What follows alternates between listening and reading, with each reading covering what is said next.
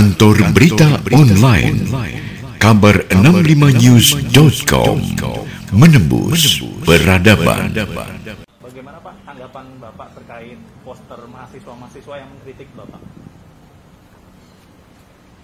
Ya, eh, itu kan sudah sejak lama ya. Dulu ada yang bilang saya ini eh, kelemar-kelemar, ada yang bilang juga saya itu pelonga-pelongo. Kemudian ganti lagi, ada yang bilang saya ini otoriter.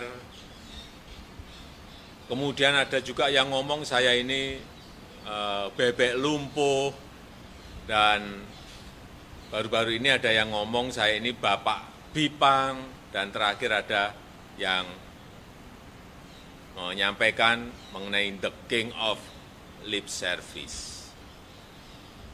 Ya saya kira ini uh, bentuk ekspresi mahasiswa dan ini negara demokrasi, jadi kritik itu ya boleh-boleh saja dan universitas tidak apa uh, tidak perlu menghalangi mahasiswa untuk berekspresi.